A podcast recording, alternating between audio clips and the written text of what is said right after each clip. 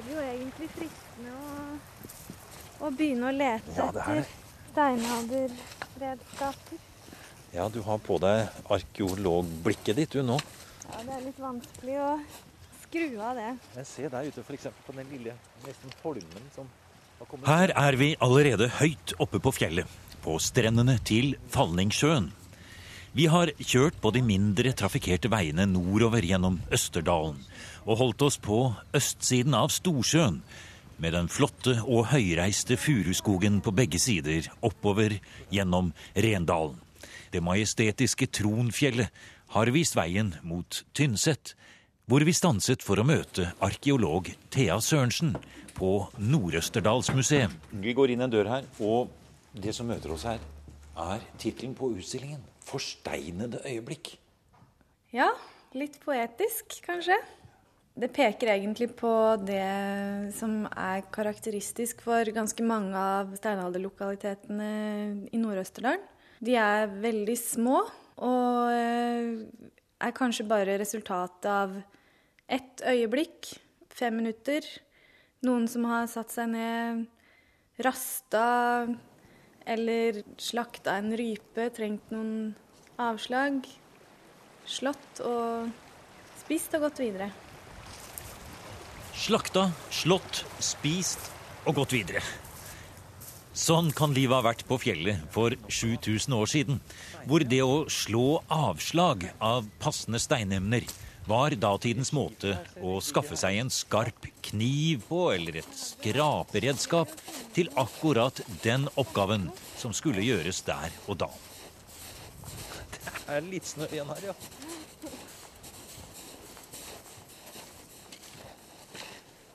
Hvis vi stopper opp litt her ja, og tar en lite blikk utover landskapet For å få den riktige rammen rundt sporene etter de første menneskene som streifet om i innlandet i steinalderen og brukte ressursene i fjellet, har Thea Sørensen tatt oss med videre nordover en times biltur fra Tynset.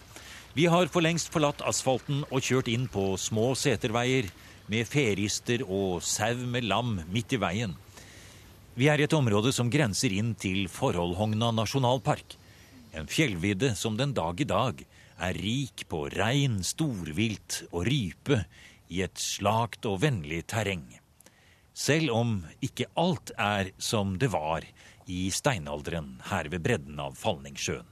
Ja, eh, det har skjedd ganske store forandringer i det landskapet her siden steinalderen. Det er i hvert fall sikkert. Her er eh, vassdraget blitt regulert. Og dette har med ikke bare kraftforsyning å gjøre, men faktisk da også med det vi skal snakke om, nemlig med arkeologi. For når de bygde disse dammene, og de begynte med det, og særlig utover på 60-tallet, 70-tallet og 80-tallet, så, så var det da en hel mengde arkeologiske undersøkelser på forhånd før neddemmingen. Ja, det store vannkrafteventyret begynte på slutten av 50-tallet. Det begynte med undersøkelser eh, på og rundt eh, Hardangervidda. Og en hel mengde mindre vassdrag eh, ble regulert. Og det her er da et av de to største i, i Hedmark fylke. Før den tid så visste man fryktelig lite om steinalderen i Innlandet. I Hedmark så var det ikke gravd noen boplasser. Det var kun løsfunn, enkeltgjenstander som hadde blitt funnet rundt omkring. Og Anders Hagen gjetta seg jo til, på bakgrunn av eh, oppsamlinger med sånne enkeltfunn, at det kunne være omtrent ni boplasser i Hedmark fylke. Og det var ingen som trodde at det hadde vært folk her før eh, i yngre steinalder. Og selv om Anders Hagen er et av de store navnene i norsk arkeologi, så vet vi at akkurat på det punktet så var jo den gjetningen helt feil. Eh, ja, men han var jo selv veldig aktiv under vassdragsutbyggingen, så Bare her vi står nå, ved Falningssjøen, så se på kartet ditt, hvor mange boplasser er det funnet akkurat rundt her? eh, det er eh, åtte åtte steinalderboplasser på den sida her av sjøen, i tillegg til en del eh, fangstgroper. Utrolig, altså. Et voldsom nytt tilfang av arkeologiske funn. Ny kompetanse kommer som følge av den store vannkraftutbyggingen og alle de arkeologiske prosjektene som blir satt i gang. Ja, det var jo veldig spesielt på mange måter. Ikke bare fikk man uh, ny kunnskap om steinalderen, men man utvikla nye metoder. Og også noen av de første C14-dateringene i Norge eh, ble gjort under de første vassdragsundersøkelsene. Og når vi da har tatt turen opp hit, langt opp på fjellet får vi si, og se utover eh, landskapet, og, og, vi har fantastisk vær i dag også, og det er en eh, fryd å gå her, eh, så har vi kommet hit egentlig ikke for å beskrive landskapet slik det ser ut i dag, med en stor demning bak oss her og osv. Men nå skal vi få deg, Thea, til å forklare det landskapet som var her i steinalder. I steinalderen så var det nok eh, glissen furuskog med eh, lav på bunnen. Så antageligvis ganske gode beiteområder for reinsdyret. I dag så vet vi at det går reinstrekk på begge sider av det fjellet der. Hælfjellet. Og det går også et reinstrekk bak oss her. Det er jo ganske sannsynlig at det strekker seg langt tilbake i tid. La oss uh, gå litt uh, bortover mot en av de Ja, hva skal vi kalle det? Vi kan jo ikke kalle det egentlig boplasser, Thea? Nei, uh, jeg har kalt det for leirplass, jeg. Mm. Ehm, for det er jo ikke en permanent bosetning det er snakk om. Nei. Det som ble funnet der, det var redskaper i flint og og lokal bergart. Og så var det skjørbrent stein. Og kull. Eh, du går ut fra at det er midlertidige bosetninger her, da? Ja, det er jo først og fremst det at det ikke er spor etter eh, bokonstruksjoner. Altså det har ikke vært noe, noe hus eller Eh, sånt på stedet. Og så er det òg mengden eh, avslag og redskaper som er funnet der, som ikke Det er rett og slett ikke så veldig mye, da. Er det det neset her, eller? Eh, jeg tror det ligger enda litt lenger, nede, ja. lenger ja. ut. Ja. Og vannstanden er allerede så høy at den boplassen som vi snakker om nå, den ligger under vann allerede. Vi får gå så langt ned vi kan. Og nå går vi inn under den store eh, steinfyllingen. Og vi er sikkert minst 20 meter under normal vannstand her nå. Så, men likevel så, så, har altså vannet kommet opp og, og, og, dekket over den ene. Nå går vi helt ned til eh, vannivå her nå. Hvorfor valgte de dette stedet her, tror du, Thea? Eh, det er jo eh, veldig god utsikt herfra, egentlig. Både eh, mot eh, den dalen der og den dalen der. ja, nettopp. Det er et slags knutepunkt på en måte mellom to daler. Ja, det kommer ut her. Så dyretråkk og andre ting, pluss eh, oversikt over området, ja. ja. Og i tillegg så kan jo vannet i seg sjøl ha vært en faktor med Eh, de ressursene som finnes der. Fisk og, og vann. Og hvis vi ser på kartet ditt, så ser vi at eh, de var altså ikke alene rundt eh, Falningssjøen her. Du har gjort noen små markeringer her, og ser, du ser at Nå ser jeg på kartet ditt, vi er vel på den her nede i enden her. Mm. Allerede like her borte og på et nes som stikker frem der, ja. så var det en annen. Så det er jo det er jo ikke mer enn 100 eh, meter fra den ene og 50 bort til den andre. Nei, det er det ikke. Og eh, noen av eh, dateringene her eh, ser ut til å overlappe, sånn at det er mulig at eh, de, noen av lokalitetene eh, kan knyttes til hverandre. Nå er det ikke alle de lokalitetene her som er like store. Den vi er på nå, det er en av de som kan kalles for leirplass. Men f.eks. de ute på det neset mm. der, det er en sånn eh, veldig liten lokalitet som er mer sånn én situasjon. én episode. Eh, og så ligger det noen andre litt større lokaliteter bortover langs sørsida av sjøen. Det er veldig flott her, da. Det må jeg si. Jeg kan godt forstå at noen ville bo her. Eh, nå er det jo varmt og fint her og helt eh, idyllisk. Og det var vel ikke så aller verst klima på denne tiden i steinalderen heller? Nei, eh, eh helt tilbake til eldre steinalder så regner man med at det var et par grader varmere enn det det er nå. Men det har jo vært vekslinger da på samme måte som det er nå. Det er, et veldig fascinerende landskap å gå i dette her. Det er liksom nesten som et sånn litt sånn månelandskap med helt utvasket og steiner overalt og mange forskjellige steintyper. Og smelte, smeltebekker da, som går ned i Falningsjøen her. Det er et helt spesielt uh, følelse å gå her. Ja, det blir uh, straks mer dramatisk. Ja. Men uh, forklar litt om det, Thea. Disse innlandssteinaldermenneskene. Vi er ca. 5000 før Kristus. Eh, hvorfor kommer de hit? Hvor kommer de fra? Hvor lenge blir de her? Hva, hva gjør de her? Hva vet vi om dem? Nei, det er uh, rett og slett veldig lite vi vet.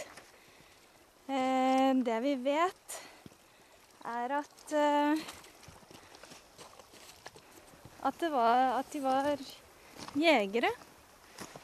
Hvor de kom fra, det fins det flere teorier om. Eh, man trodde jo lenge at eh, det var sesongvandringer mellom kyst og høyfjell. Eh, og det, noe av grunnen til det var at de områdene imellom var så lite undersøkt. og det man fant der, var veldig små lokaliteter. Sånn at man regner med at det bare hadde vært stoppesteder da, mellom kyst og høyfjell. Men eh, etter de store prosjektene på Rødsmoen og, og Gråfjell, eh, hvor det kom fram eh, større lokaliteter og til og med groptufter, eh, hvor det kan ha vært litt mer permanent bosetning, så Eh, begynte man å snakke om en egen, muligheten for en egen eh, befolkning i Innlandet i steinalderen. Eh, så det er jo har jo antagelig vært utforska gradvis, og så har noen etter hvert valgt å bosette seg lenger inn i landet. årsaken til det det er jo vanskelig å, å vite, egentlig. Se her. Ja, hva du fant der? En fossil. Nei, det, det ser nesten ut som noe plantefiler. Planterester, ja. Enda eldre enn steinalder. Enda eldre. Ja, Nå ser jeg arkeologblikket ditt går rett i bakken her. altså. Nå skanner du over hver sten vi går forbi her. Ja, det er vanskelig å skru av flintblikket. Det ligger, eller det lå to lokaliteter inne i vika her. Ja. Inni vika der, ja. Da ser du at det ser ganske bratt ut i forhold til der vi er nå. Ja. ja. Mm.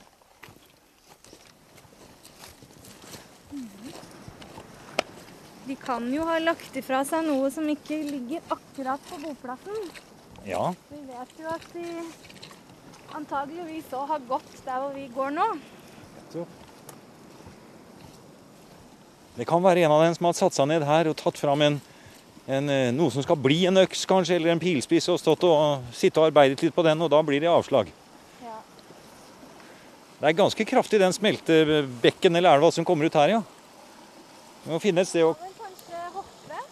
Ja. Uh, der sprang du over.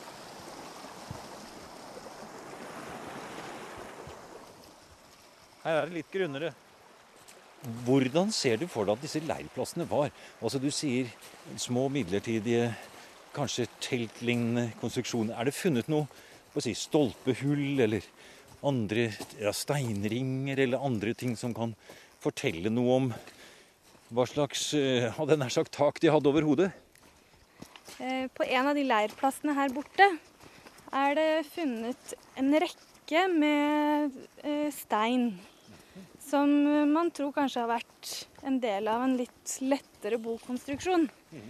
Det er ikke en ring, men eh, det kan jo ha holdt en duk nede. En gapahuk. F.eks. en måte. gapahukkonstruksjon Ja, eller en, skinn, en leskjerm. Men allikevel så vitner det jo ikke om annet enn kanskje Helt en overnatting. Ja, ja.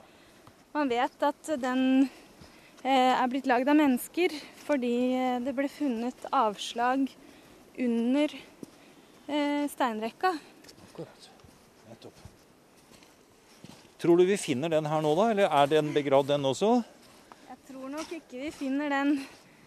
Vann flytter jo på ting. Ja. Så, Men hvis vi tar et overblikk her, Thea, så ser vi at der er en liten sånt høydedrag ja, eh, midt på der. Den Mhm. løfter seg opp lite grann. ja, det er sant. Skal vi prøve å se litt der borte? Kunne det være en, en mulighet? Lese terrenget litt? Nei, det er nok ikke lav nok vannstand til at Thea Sørensen med sitt arkeologblikk kunne finne selve leirplassen, og kanskje flere spor etter menneskene som brukte den i eldre steinalder. Men det vi har med oss tilbake til utstillingen ved Nord-Østerdalsmuseet på Tynset, er sterke inntrykk av å ha gått i steinaldermenneskenes fotspor, vært på deres jaktmarker, så å si, og kanskje tatt en rast akkurat på de samme stedene de satt for 7000 år siden og slo redskaper og pilspisser. Ja, her er det steinaldermennesket som går innover i lydkulissene. Ja, eh, det er et forsøk på å illustrere mennesket som kom til Nord-Østerdalen for første gang. Pionerbosetningen her oppe. Og her ser vi funn fra Falningssjøen, ja. Eh, Det vi ser i monteren, er eh, stort sett avslag, et par skrapere og eh, de minste avslagene her, det er mikroflekker. Mikroflekker er jo en type avslag, altså avfall fra redskapsproduksjon, som er slått på en en spesiell måte, da, sånn at de er ganske regelmessige. Og den slagteknikken kan vi datere eh, grovt til eh, senmesolitikum. Eh, 8000 til 6000 år før nåtid. Og Det er fascinerende å se, som du sier, disse bitte små bitene. For dette her kunne jo nesten ha fått plass i en fyrstikkeske. Og det er jo vanskelig når du ser på dem her og tenker deg at de kan ha vært brukt til noe som helst. Men eh, man tror at eh, mikroflekker, i og med at de har ganske skarpe kanter, eh, har vært satt inn i, eller skjefta i tre, eh, sammen, slik at eh, man fikk større redskaper, enten det var pile, som pilespisser eller eh, kniver. Bare hvis vi snur oss litt her, så ser vi jo noe helt annet. Som jo er en polert steinøks. Og er veldig stor. Ja, det er en trinnøks. Eh, og den, den er ganske sjelden her i Innlandet. Eh, langs kysten så finner man jo økser fra hele eldre og yngre steinalder, men i Innlandet så er det svært få økser. Det her er en av de, en av de få eksemplarene vi har. Den er omtrent like gammel som mikroflekkene, antagelig. Eh, det er en tverrøks. Så det går an å, å hogge trær med den og sånn, men den fungerer kanskje best til eh, eh, sånn uthuling av f.eks. trestammer. Utstillingen på Nord-Østerdalsmuseet er første gang publikum kan se funnene fra vassdragsundersøkelsene på 1950- og 1960-tallet samlet på denne måten. Til vanlig er de oppbevart i magasinene til Kulturhistorisk museum i Oslo. Men nå gir de et fascinerende bilde, eller som Thea Sørensen sier, mange små øyeblikksbilder fra livet i Innlandets steinalder.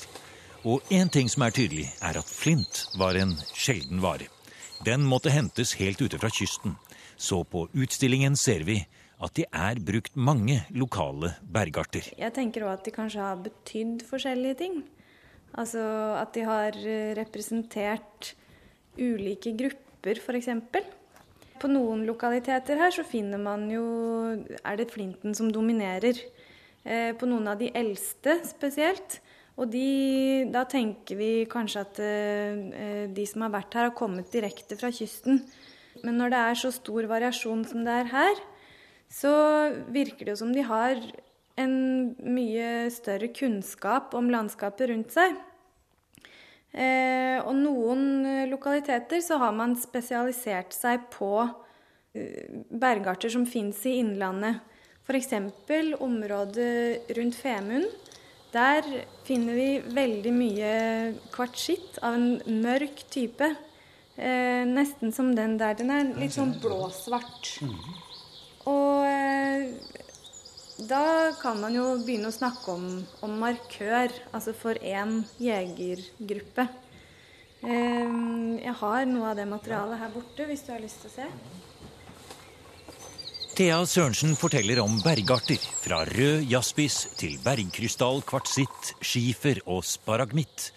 Hun viser fram den takkede Femundpilspissen og de spesielle skaftfurukøllene, små rullesteiner med en innhogd fure, hvor den kunne festes til et skaft. Lett å gå forbi, kanskje, men det er en hel liten reise inn i steinalderens dagligliv, å høre noen av forklaringene til hva disse nevestore steinene kunne ha vært brukt til. Ja, det her er et av eh, mysteriene i arkeologien. Et av de eh, redskapene som vi vet ganske lite om. Det er skaftfurukølla. Den er for det første veldig vanskelig å datere, for den dukker opp i mange forskjellige sammenhenger. Eh, både på steinalderboplasser, Eh, og i tufter fra jernalder. Og noen ganger også i samisk kontekst. Den fins over hele verden. Så den har tydeligvis vært veldig effektiv til et eller annet. Her i Nord-Østerdalen så har den eh, i flere tilfeller blitt funnet på steder hvor det også er funnet bein. Så jeg tror vel kanskje at den har vært brukt til å knuse bein, og det har vi også eksempler fra i antropologien. At man har knust bein til nesten pulveriserte og brukt i matlaging. Da får du jo med margen, eh, som er veldig næringsrik. Som det står her, Når vi leser litt på hva som står ved siden av dere, ja, det kan også vært brukt til å knuse skjell, som det står, spiselige planter, frossent kjøtt, ja. Ja. Det har jo vært eh, behov for konservering i steinalderen også. Det er jo ikke noe problem med temperaturen her i Tynset-området? Eh, nei, i hvert fall ikke om vinteren. En måte å gjøre det på er jo eh, frysetørring. Å skjære kjøttet i tynne strimler. Slik at eh, hvis det er en frostnatt, så fryser det, og så blir det også samtidig tørka. Sånn at det òg tåler litt eh, litt varmere temperaturer. Og for å kunne spise det, så har man kanskje hatt behov for nettopp å, å få knust det opp, da. Kanskje en av de mest anvendelige redskapene man kan ha i et steinalder, en husholdning, dette vi står og ser på her, da. Ja, det kan jo ha vært Vi vet jo egentlig ikke hva det har vært brukt til her. Dette er jo bare én av flere tolkninger. Eh, det har også vært satt i sammenheng med gruvedrift. I Storbritannia så fins de i de eh, tidlige kobbergruvene. Rett og slett å knuse stein, ja. Ja, for å knuse stein. Vi bøyer oss ned og ser inn på en monter her. Det var ikke mye av det som ligger der? Nei, men det her er faktisk det som eh, er eh, den klassiske lokaliteten, innlandslokaliteten. Det er bare eh, bitte lite grann eh, avslag og ikke noe mer. Restene etter én spesiell episode. Og da syns jeg det er ganske fascinerende å tenke på hva det er som har skjedd akkurat her. Du kan jo produsere ganske mange avslag i løpet av en time. Eh, så det er neppe en time vi ser produktet av her. Det kan være en som har satt seg ned for å lage en pil litt skarpere, eller en øks litt finere, for det er noe han skal straks gjøre etterpå? Ja, eller bare slått av noen skarpe avslag som han da har brukt som, eh, som kniv, f.eks. Kanskje han skulle flå en fugl akkurat der, som han nettopp har skutt? Ja, det har vi jo prøvd å illustrere her. Og det er fullt av eh, den type lokaliteter som eh, ser ut til å være resultatet av kun én situasjon. Når du graver fram noe sånt noe, så er det jo ikke så mye man kan si, egentlig. Men eh, allikevel så føles det jo som at man kommer ganske nært et menneske og et øyeblikk i et menneskes liv for 8000 år siden. Et eh, forsteinet øyeblikk. Et forsteinet øyeblikk.